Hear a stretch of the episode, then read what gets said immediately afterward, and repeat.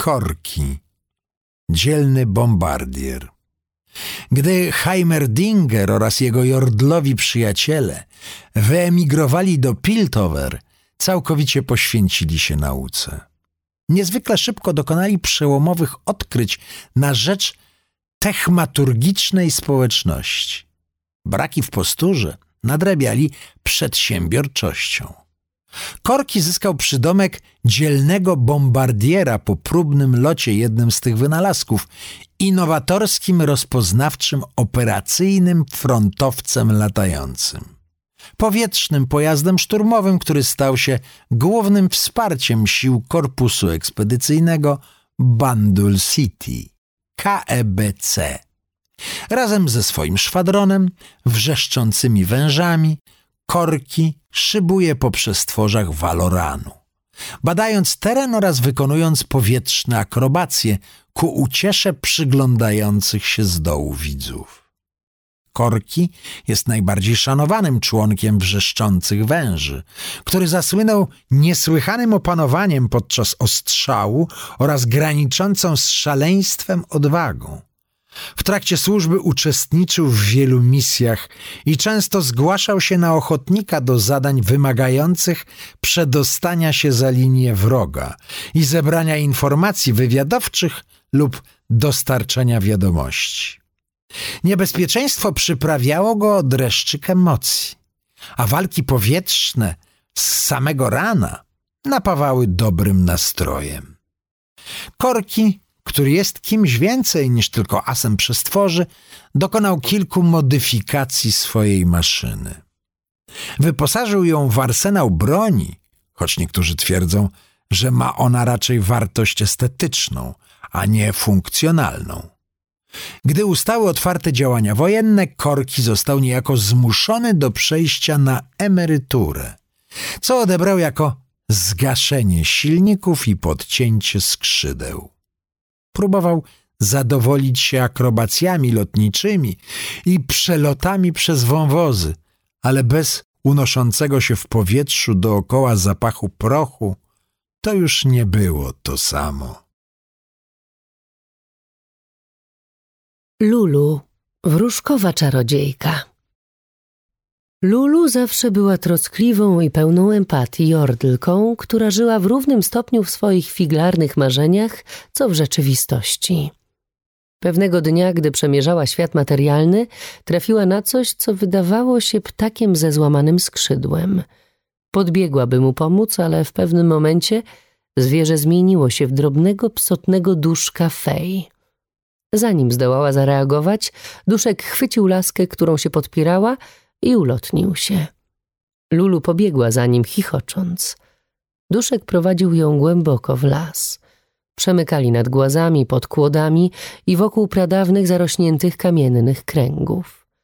Duszek czmychnął do jaskini ukrytej za wodospadem, a Lulu pognała za nim. Uciekinier śmigał to tu, to tam, cały czas będąc o włos przed nią. Zapuszczali się coraz głębiej i głębiej. Lulu potykała się o poskręcane korzenie, Gramoliła między świecącymi grzybami i nawet nie zdała sobie sprawy, że w którymś momencie przekroczyli granice świata duchowego. Otoczenie stawało się coraz bardziej osobliwe i dezorientujące. Góra stała się dołem, przód tyłem, a duże obiekty małymi. Wreszcie po pościgu, który zdawał się trwać całe wieki, Lulu dogoniła duszka, który nazywał się, jak odkryła, Pix. Pstryknięciem swoich drobnych palców Pix zamienił jej skromną laskę w spiralny kostur i odrzucił jej go z powrotem. Lulu oniemiała z zachwytu, bo przedmiot wypuszczał liście i kwiaty. Tak zaczęła się ich dozgonna przyjaźń, oparta na psotach, zabawie i uwielbieniu dla przyrody. Pix przyprowadził ją na polanę – Bandul City, dom Lulu, był przedziwnym, magicznym miejscem, które wymykało się logice i w którym czas nie miał znaczenia. A prawa przyrody świata materialnego nie miały do końca zastosowania. Jednak Polana była miejscem jeszcze osobliwszym. Istniała na długo przed tym, zanim na świecie pojawili się Jordlowie i być może to właśnie z niej zrodziło się Bandul City.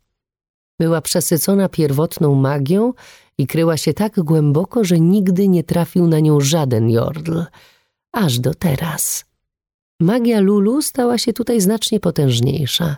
Śmiejąc się radośnie, Jordlka odkryła, że może na zawołanie zmieniać otoczenie i przeistaczać się w cokolwiek zechce. Wszystko, co tylko pojawiało się w jej nazbyt bujnej wyobraźni, ożywało. Lulu nie wiedziała, czy Pix przyprowadził ją tutaj, ponieważ dostrzegł w niej bratnią duszę i po prostu chciał mieć towarzyszkę zabaw, czy też Polana potrzebowała jej w jakimś innym celu. Tak czy owak, natychmiast pokochała to miejsce. Życie Lulu stało się nieustannym tworzeniem i ciągłą zabawą i wkrótce zapomniała, że istnieje coś innego. Gdy wreszcie sobie o tym przypomniała, poczuła, jakby obudziła się ze snu.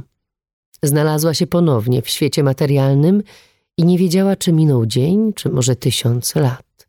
Ku swojemu zaskoczeniu i radości odkryła, że częściej nowo nabytej mocy ma zastosowanie w tym świecie, co pozwalało jej sprawiać, że małe przedmioty powiększały się, zmieniać kolory na takie, które bardziej jej odpowiadały i powodować, że różne istoty ni stąd ni zowąd zasypiały.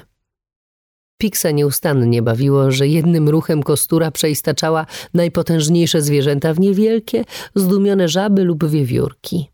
Pomimo tego wszystkiego zaczęła tęsknić za Polaną. Postanowiła na nią wrócić, ale uświadomiła sobie, że nie pamięta drogi. Pix nie pomagał i twierdził, że również nie pamięta, choć być może po prostu nie śpieszyło mu się tak bardzo. Lulu tak czy inaczej wyruszyła, niczym się nie przejmując. Była pewna, że droga wiodąca z powrotem na polanę ustawicznie się zmieniała, więc wybór jednej ścieżki był równie dobry co innej. Po prostu decydowała się na kierunek, który w danej chwili jej się podobał i nawet nie omijała niebezpieczeństw, jeśli wiązała się z nimi dobra zabawa. Obrana przez nią droga była długa i kręta, a magia, zamęt i niefortunne wypadki miały w zwyczaju wszędzie jej towarzyszyć. W Demacji uwolniła grupkę dzieci od nudnej lekcji historii i zaprowadziła je na pobliską łąkę. Jej zabawa doprowadziła do tego, że dzieci zostały na pełen cykl księżyca zmienione w muchomory, a ich zrozpaczeni rodzice i miejscowa policja prowadzili nadaremne poszukiwania. Nie takie były zamiary Lulu, ale zabawa i tak była niczego sobie. Gdy dzieci wreszcie wróciły do domów i opowiedziały wszystkim, co się stało, nikt im nie uwierzył. We Freljordzie, gdy właśnie miało dojść do starcia między dwoma zwaśnionymi plemionami, Lulu pomyślała, że cudownie będzie zamienić broń obu stron w kwiaty, co spowodowało absolutny chaos.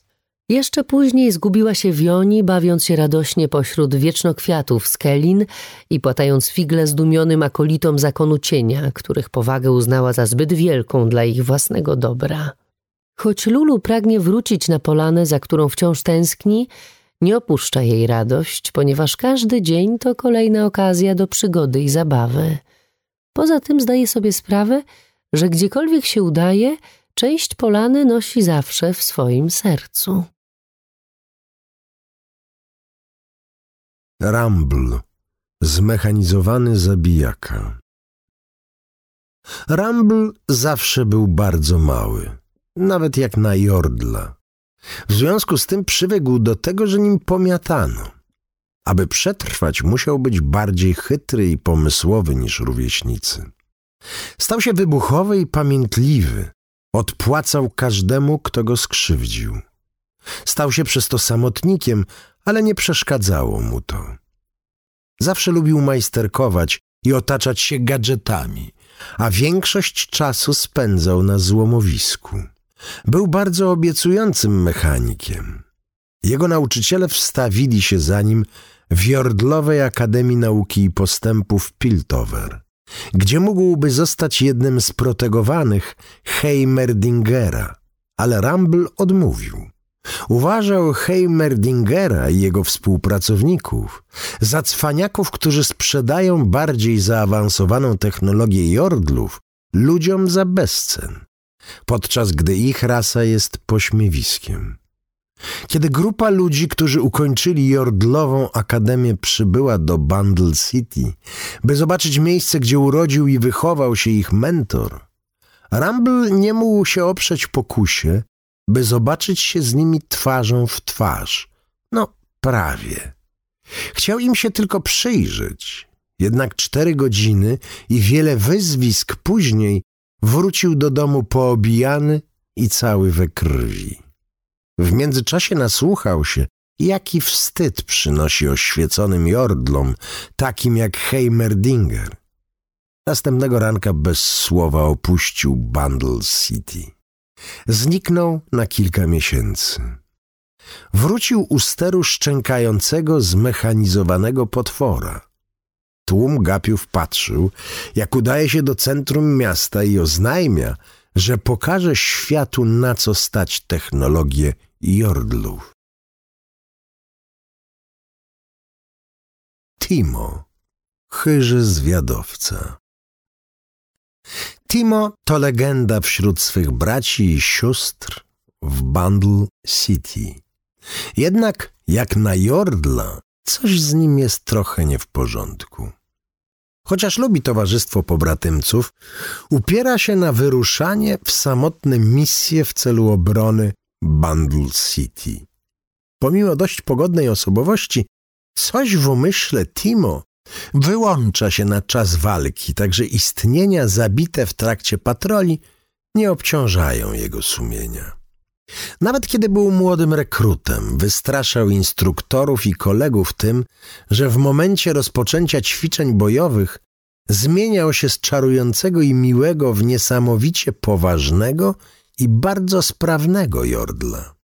Jego przełożeni zasugerowali mu przystąpienie do zwiadowców statku matki, jednej z najbardziej zasłużonych jednostek specjalnych Bundle City, stawianej na równi z komandosami Meglina. Chociaż większość Jordlów nie radzi sobie z finezyjnym wykonywaniem samotnych misji. Timo jest ich mistrzem. Jego sukcesy w zakresie obrony Bundle City przed infiltratorami czynią z niego jednego z najniebezpieczniejszych żyjących jordlów. Chociaż nie da się tego po nim poznać, pijąc z nim miód w jego ulubionej karczmie. Jego ulubiona broń, dmuchawka, wykorzystuje rzadką truciznę, adjunta, którą Jordl osobiście pozyskuje w dżunglach Kumungu. Aby lepiej znosić długie okresy samotności, Timo zaprzyjaźnił się z Tristaną, koleżanką z oddziałów specjalnych Bundle City.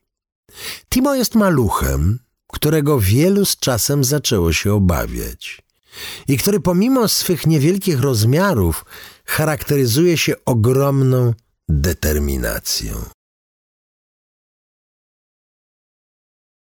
Tristana, dumna kanonierka. Tristany, tak jak większość Jordlów, od zawsze fascynował świat poza Bundle City. Wybierała się w dalekie podróże, pełna ciekawości i entuzjazmu względem różnych miejsc, ludzi i stworzeń, które napotykała. Korzystając z ukrytych przejść znanych tylko Jordlom, zgłębiła wymiar materialny w całej jego okazałości i przez większość czasu pozostawała niezauważona – była świadkiem zapierających dech w piersiach widoków, takich jak migracja lodowych troli przez kry pod kalejdoskopowymi zorzami na dalekiej północy. Zachwycała się, gdy okręty wojenne salwami roznosiły wrogów podczas morskich bitew, które wzburzały morza. Podziwiała pochody wielkich armii, w których żołnierze maszerowali z precyzją i w harmonii, a to niesamowicie dziwne pojęcia dla jordlów, przez bezkresne piaski na południu. Lecz beztroskie, nomadyczne podejście Tristany do życia zmieniło się w dniu, w którym ujrzała zniszczenie lasu Bandl. Takie lasy są zakorzenione w magii bram, wokół których rosną i dają jordlom bezpieczne schronienie przed światem. Drzemiąca w blasku słońca Tristana została nagle obudzona, gdy drzewa wokół niej zaczęły płonąć i przewracać się. Banda uzbrojonych najemników dewastowała puszczę za pomocą siekier i ognia – prowadzona przez czarodzieja spowitego mroczną energią. Przerażona Tristana schowała się. Czarodziej skoncentrował swoją moc na portalu w sercu lasu Bandl i wypowiedział jedno ostatnie słowo. Tristana, wciąż słysząc bolesne dzwonienie w uszach, patrzyła jak brama rozpada się i zamyka na zawsze. Echo tego zniszczenia dało się odczuć nawet w Bundle City, gdzie wzbudziło ogromną rozpacz wśród jordlów. Tristana nigdy wcześniej nie czuła czegokolwiek podobnego do bólu z powodu tej straty i poczucia winy za swoją bezczynność. Zdecydowała, że nigdy więcej nie dopuści do takich okropności. Właśnie wtedy całkowicie oddała się roli strażnika wszystkich lasów Bendl i swoich pobratymców Jordlów. Tristana często zachwycała się tym, jak śmiertelnicy chronili drogie im rzeczy.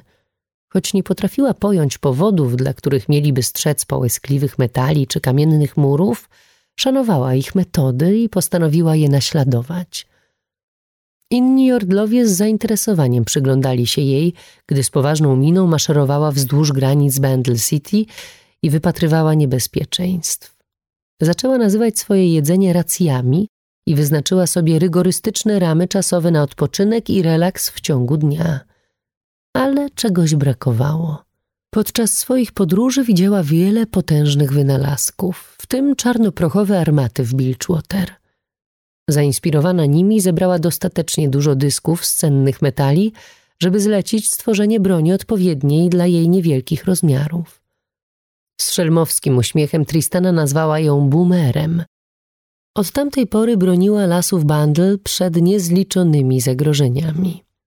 W dżunglach na Wyspach Węży interweniowała podczas starcia między tamtejszym ludem buru a łowcami skarbów z Waloranu, które niebezpiecznie zbliżało się do ukrytego portalu.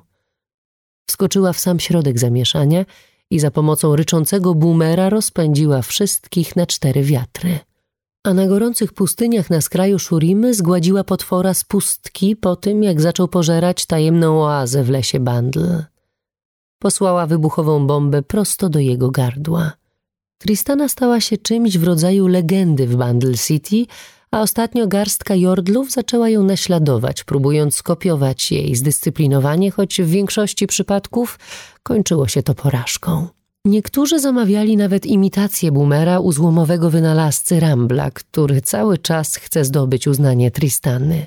Choć Tristana uważa to wszystko za dość żenujące, doszła do wniosku, że jeżeli trzeba chronić przejść do Bundle City – należy robić to porządnie.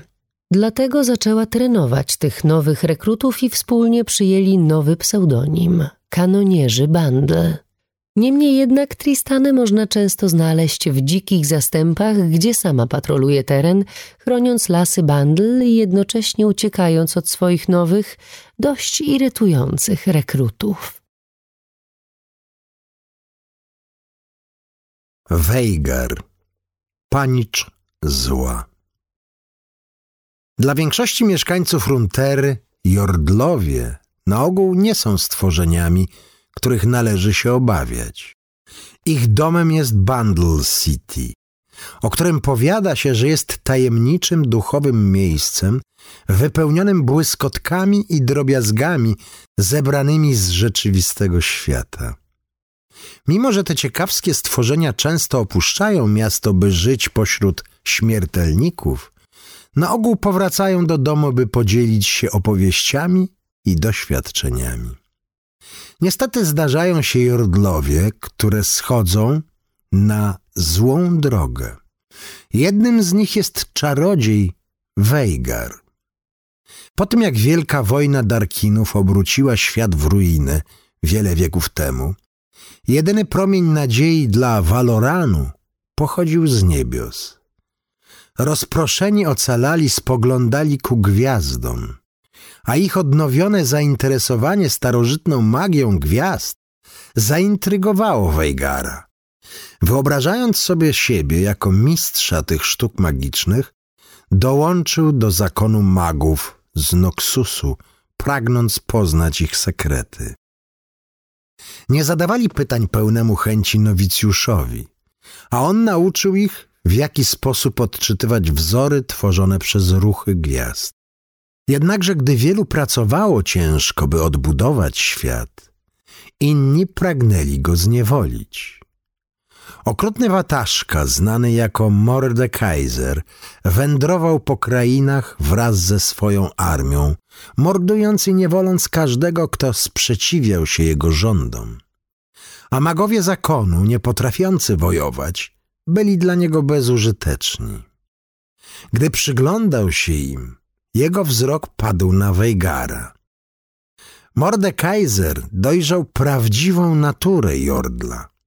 Pochwycił go dłonią w żelaznej rękawicy, a resztę magów kazał zgładzić. Uwięziony w sercu straszliwej fortecy Weigar został zmuszony do używania swojej magii w mroczniejszych celach. Wiedząc, że Jordlowie są sprytniejsze od innych ras, Mordekaiser uwięził Weigara w fizycznym świecie, uniemożliwiając mu ucieczkę do Bundle City. Nie dość, że Weigar był więźniem w tym piekielnym miejscu, to taka forma izolacji jest najokrutniejszą i najstraszliwszą torturą dla Jordla. Weigar był zmuszany do rzucania makabrycznych zaklęć. Niektóre z nich wzmacniały potęgę jego pana, a inne siały grozę dla samego siania grozy. Groza zdawała się być olejem napędowym tego straszliwego imperium. Nieszczęśliwy ponad wszelkie wyobrażenie Weigar stał się bezwolnym świadkiem tego, jak nikczemne działania Mordekaisera uczyniły go praktycznie nieśmiertelnym. Mijały dekady i wieki, a Weigar nie wiedział, że jego własna magia oraz wygląd zaczęły się wypaczać. Wspomnienia zanikły. Po co przybył do Valoranu? Skąd pochodził? Czy przedtem prowadził jakieś inne życie? Takie pytania ciążyły na jego delikatnym umyśle niczym ostatnie przebłyski światła tuż przed zmrokiem. Gdy poplecznicy upiornego władcy zwrócili się przeciw niemu, jego koszmarne rządy dobiegły końca. Ale Weigar zupełnie nie przypominał już wtedy dawnego siebie. Jego oczy płonęły. Nawet jego głos stał się złowieszczy. Stworzenie, które uciekło z klatki, nie było zainteresowane walkami o sukcesje, które nastąpiły. Gdzieś w głębi chciał odzyskać poczucie bezpieczeństwa i wolności, którego pragną wszystkie żywe istoty. Jednakże postanowił nie uwalniać się od zła, a wręcz przyjąć je. Odziany w strój pasujący do złowieszczego czarnoksiężnika, zapragnął zdobyć szacunek w jedyny sposób, jaki znał przez bezwzględne okrucieństwo napełniając strachem wszystkich, którzy stanęliby mu na drodze. Na swych wrogów ściągał gniew gwiazd i unieruchamiał ich w nieskończoności między jednym momentem i drugim. Jednakże Weigar nie odnosił takich samych sukcesów jak jego dawny porywacz. Oczywiście dobrzy mieszkańcy Valoranu nauczyli się bać go do pewnego stopnia. Najczęściej napotykali spalone pastwiska albo zrujnowaną posiadłość lokalnego barona. Jednakże czasami w sposób niewytłumaczalny grupy bandytów uciekały ze swych leśnych kryjówek, albo szczątki dzikich, mrocznych wilków były rozrzucane po miejskim rynku. I ciężko było stwierdzić, czy były to działania wynikające ze złych intencji, czy jednak w miarę pomocne. Mimo olbrzymich aspiracji co do czynienia zła, Weigarowi zawsze czegoś brakowało. Ale złowieszczy Jordl nie porzucił swojego pragnienia stania się najbardziej nikczemnym złoczyńcą na świecie. Dzierżąc swój diaboliczny kostur w dłoni, pragnie zmusić wszystkich do padnięcia przed nim na kolana i rozkoszuje się myślą o śmierci wszystkich tych, którzy go nie doceniają. Yumi, magiczna kotka. Na przedmieściach Bundle City znajdował się niegdyś zalesiony wąwóz, w którym migotały skrzydełka księżycowych ciem, a rzeka pełna była tęczowych ryb. W domku mieszczącym się pośród zielonych drzew mieszkała jordlowa czarodziejka Norra wraz ze swoją kotką Yumi. Urodzona z magiczną mocą ochrony, Yumi przez wiele lat rozkoszowała się leniwym życiem, rzucając się na promienie słońca i ucinając sobie drzemki pod myszodrzewami. Gdy miała ochotę na przygodę, dołączała do Norry podczas wypraw przez rzeczywiste i duchowe krainy. Nora spędzała czas na zbieraniu dziwnych przedmiotów, takich jak zniszczone kubki, odłamki kolorowego szkła oraz materiał z zabawnymi wzorami. Każdy z artefaktów badała z olbrzymim szacunkiem, ale Yumi nigdy nie rozumiała, w jakim celu to robi. Niemniej jednak Yumi korzystała ze swojej magii, by chronić Norę, a po powrocie do domu ogrzewała jej stopy. Drzwi między światami są bardzo kapryśne i rzadko się otwierają nawet dla tak zwinnych istot jak koty. Yumi przyglądała się, jak inni jordlowie przez wiele dni czekali, aż wschodnia gwiazda ustawi się odpowiednio względem konkretnego kamiennego łuku, albo brodzili pośród bagiennych lilii, wypatrując srebrnego kwiatu, który otworzyłby drzwi. Jednakże Norra posiadała potężną księgę wrót, która umożliwiała jej natychmiastowe udanie się w miejsce zilustrowane na jej stronach. Gdy Norra otwierała portal, wraz z Yumi radośnie wskakiwały między świecące karty, docierały na miejsce przeznaczenia, a po chwili dołączała do nich księga. Yumi nigdy nie zwracała większej uwagi na księgę, aż do pewnej bezgwiezdnej nocy gdy powróciła do domu z wabienia księżycowych ciem za pomocą światła i odkryła, że Nora zniknęła. Zobaczyła księgę na biurku swej pani i w panice zaczęła przeglądać jej strony, zauważając, że część została wyrwana w całości. Nie mogąc odczytać tytułu, Yumi krzyknęła w rozpaczy, nazywając ją po prostu książką. W odpowiedzi księga zadrżała i Yumi z zaskoczeniem odkryła, że słyszy fragmenty myśli pośród szelestu papieru. Mimo, że nie posiadała głosu, książka przemawiała głośno i wyraźnie. Yumi dowiedziała się, że Nora udała się w miejsce tak niebezpieczne, że zniszczyła portal, przez który wyruszyła. Yumi wiedziała, że musi uratować Norę i zwróciła się do książki o pomoc. Każda z tysięcy stron prowadziła do innego miejsca wzdłuż magicznych linii przecinających świat rzeczywisty i duchowy. Strona, z której skorzystała Nora, została zniszczona – ale być może księga mogła przenieść je blisko. Yumi i książka musiałyby zbadać każde możliwe wrota. Stała się strażniczką książki, przysięgając chronić ją z lwią odwagą. Gdyby wpadła w niepowołane ręce, drzwi do Bundle City mogłyby stanąć otworem dla nieprzyjemnych gości. Yumi i książka wyruszyły w podróż, odwiedzając niebezpieczne, nieznane krainy. Yumi próbowała wyczuć zapach nory w podmuchach wiatru, ale bezskutecznie. Podczas gdy Yumi czasem robiła przerwy w poszukiwaniach, by podążyć tropem myszy lub odzyskać siły, ucinając sobie kocią drzemkę, książka zachowywała się irytująco ostrożnie. Narzekała na stracony czas i denerwowała się niebezpieczeństwami, które mogły napotkać. Niemniej jednak Yumi i książka były zdeterminowane, by odnaleźć swą panią i sprowadzić ją do domu. Gdy Yumi wyjątkowo mocno tęskniła za Norą, często poszukiwała innych towarzyszy. Jednym z jej ulubieńców był noszący drzwi pasterz o gęstych wąsach i donośnym śmiechu. Yumi odpoczywała na jego ramionach, ochraniając go przed wściekłymi śnieżnymi duchami sprowadzającymi gradobicia, a on dostarczał jej świeże ryby. W końcu Yumi wyczuła zapach swej pani w rozległych szurimańskich ruinach. Kopiąc głęboko w piasku, odkryła odłamany kawałek niebieskiej ceramiki, który wyglądał jak fragment jednej z filiżanek nory. Zanim jednak mogła zacząć kopać głębiej, spod piasku wynurzyła się dzika bestia, a Yumi i książka ledwo uciekły. Kotka mogła sobie tylko wyobrażać chaos, który nastałby, gdyby potwór zanurzył szpony w stronach książki. Mimo, że do siebie nie pasowały, Yumi i książka szybko się zaprzyjaźniły, połączone miłością do Norry. Yumi kontynuuje poszukiwania swej pani, by kiedyś mogła powrócić do ucinania sobie drzemek w słońcu u boku Norry.